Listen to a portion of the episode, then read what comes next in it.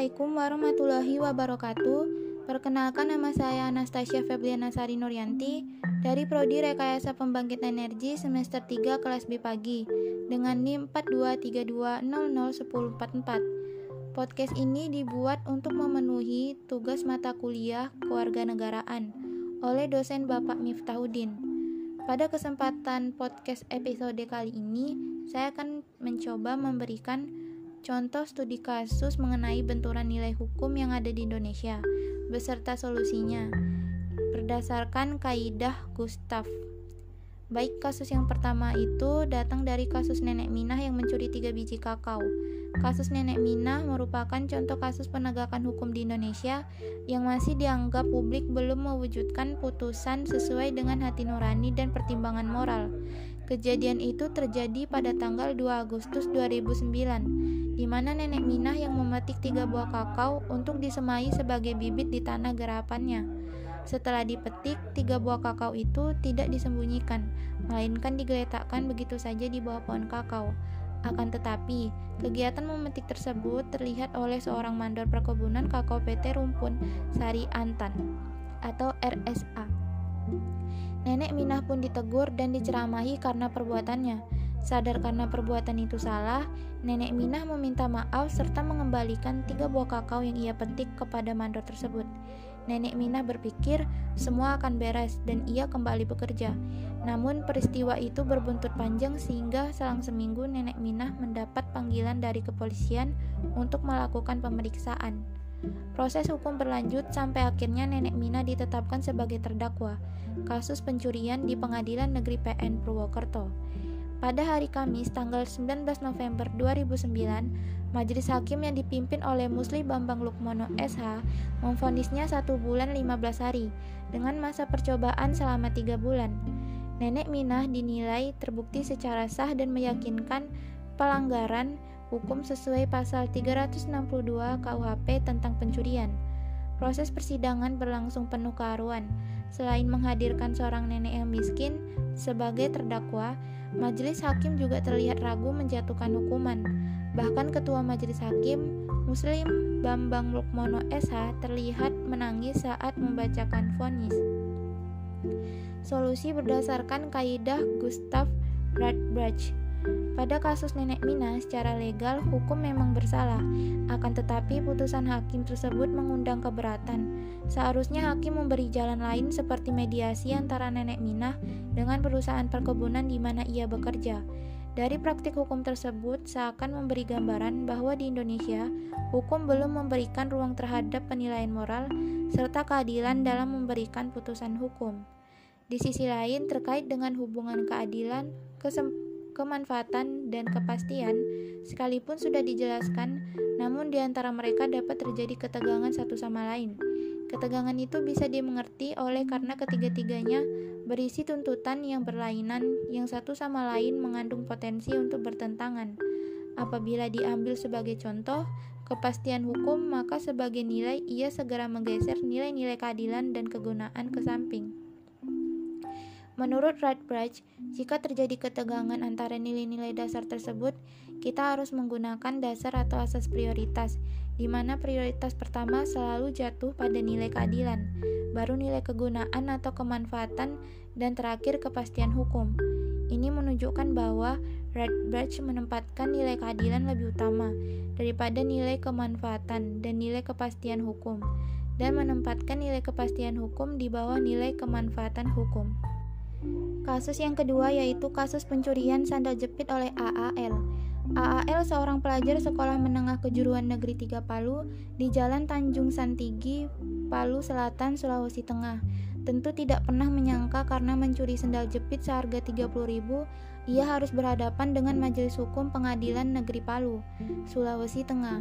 AAL didakwa mencuri sepasang sendal jepit bermerek Eiger milik Brigadir Polisi 1 Ahmad Rusti Harahap dari kos-kosannya pada November 2010 lalu. Pada kasus pencurian sandal jepit oleh AAL sangat tidak mencerminkan suatu keadilan, seperti makna keadilan yang ada dari beberapa teori hukum. Bribtu Ahmad Rusdi Harahap sebagai aparat penegak hukum yang langsung menuduh AAL serta melakukan tindakan main hakim sendiri dan memperlakukan AAL secara semena-mena. AAL berserta temannya dipukul, ditendang, ditinju, dan bahkan disekap oleh Bribtu Ahmad Rusdi Harahap. Hal ini mencerminkan ketidakadilan apabila jika kita bandingkan kasus-kasus AAL dengan kasus-kasus besar yang ada di Indonesia. Pada tanggal 20 Desember 2010, AAL yang didampingi oleh penasihat hukumnya Elvis DJ Katuwu diputus oleh Pengadilan Palu, Sulawesi Tengah secara formal terbukti bersalah sebagaimana pasal 362 KUHP pidana tentang pencurian dan dituntut lima tahun penjara. Walaupun sendal yang di walaupun sendal yang menjadi barang bukti itu bukan merupakan sendal merek Eiger yang dituduhkan oleh Bribtu Ahmad Rusdi Harahap, hukum memang mengandung tiga nilai seperti yang dikemukakan oleh Gustav Radbrecht, yaitu kepastian, keadilan, dan kemanfaatan.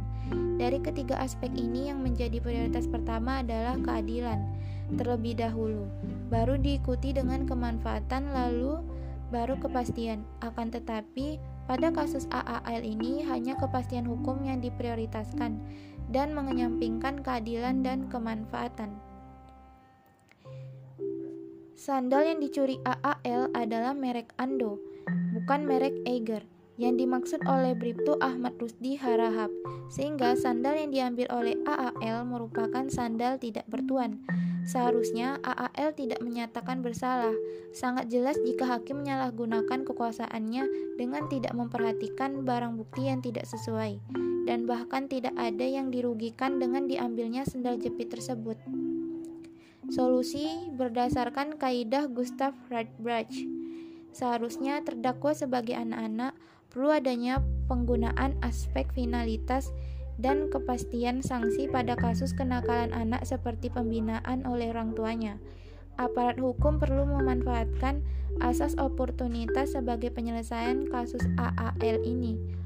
Asas oportunitas merupakan kebijakan bagi penegak hukum untuk menangani kasus tidak semua harus diselesaikan melalui pengadilan karena hukum seharusnya bisa merestorasi keadaan atau restoratif justice, yaitu mengembalikan keadaan seperti sedia kala.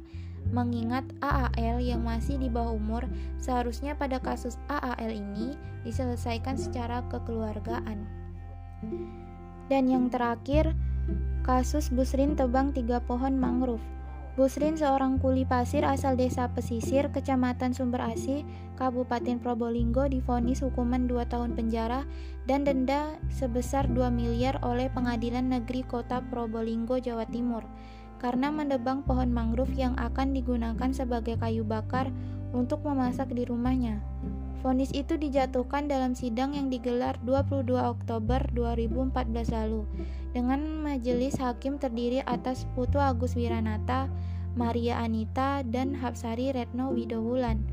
Busrin ditangkap anggota Polair Polres Probolinggo, Bambang Budiantoni, dan Avan Riyado di hutan mangrove di kampung terdakwa di desa pesisir pada 16 Juli 2014 lalu. Busrin tak sadar bahwa menebang pohon mangrove itu adalah perbuatan melawan hukum. Busrin menebang pohon mangrove untuk dijadikan kayu bakar agar dapurnya tetap ngebul. Sebab Kuli pengangkut pasir itu tidak mempunyai uang untuk membeli tabung gas 3 kg. Apa daya Buslin yang buta huruf dan buta hukum itu harus berurusan dengan pengadilan dengan denda yang tidak logis karena untuk membeli tabung gas 3 kilo saja Buslin tidak mampu.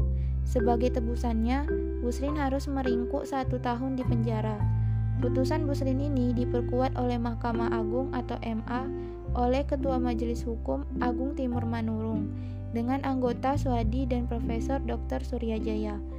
Beda Busrin beda pula yang dialami oleh PT NSP. Jaksa mendakwa PT NSP membakar hutan di lima desa di Meranti Riau dan mengakibatkan kabut asap di Sumatera dan mampir ke Singapura serta Malaysia. Atas perbuatan PT NSP, jaksa menuntut manajer cabang PT NSP Erwin selama enam tahun penjara dan manajer PT NSP Nowo selama 1,5 tahun penjara. Selain itu, PT NSP juga dituntut membayar denda sebesar 2 miliar dan dana pemulihan lahan sebesar 1 triliun. Apa daya, PN Bengkalis membebaskan Erwin dan Nowo dan PT NSP hanya dengan denda sebesar 2 miliar. Atas vonis tersebut, jaksa lalu mengajukan kasasi dengan tuntutan yang sama, jika Busrin yang hanya menebang pohon untuk kayu bakar dihukum 2 tahun dan denda sebesar 2 miliar, mengapa perusahaan yang membakar hutan hanya didenda 2 miliar dan bosnya dibiarkan bebas? Solusi berdasarkan kaidah Gustav Radbruch dari kedua kasus tersebut, dapat disimpulkan bahwa hukum di Indonesia seperti pisau, di mana sisi yang tajam mengarah pada rakyat miskin, dan sisi yang tumpul mengarah pada orang-orang yang memiliki banyak harta. Prinsip hukum yang terdapat di Indonesia masih jauh dari kesetaraan, seperti kasus tersebut. Padahal seharusnya setiap warga negara Indonesia berhak mendapatkan kesetaraan terutama di bidang hukum seperti yang sudah tertulis di Undang-Undang Dasar 1945 pasal 28D ayat 1, yaitu setiap orang berhak atas pengakuan hukum, jaminan, perlindungan dan kepastian hukum yang adil dan perlakuan yang sama di hadapan hukum. Memang benar, Busrin melakukan tindakan melanggar hukum. Akan tetapi, jangan lupa bahwa hukum juga mempunyai prinsip kemanusiaan. Seharusnya pemerintah dan kejaksaan lebih bijaksana untuk memilih hukuman yang sesuai dari tiap-tiap kasus. Mungkin sekian uh, podcast kali ini. Apabila ada salah kata, mohon dimaafkan. Wabillahi taufik wal hidayah. Wassalamualaikum warahmatullahi wabarakatuh. thank you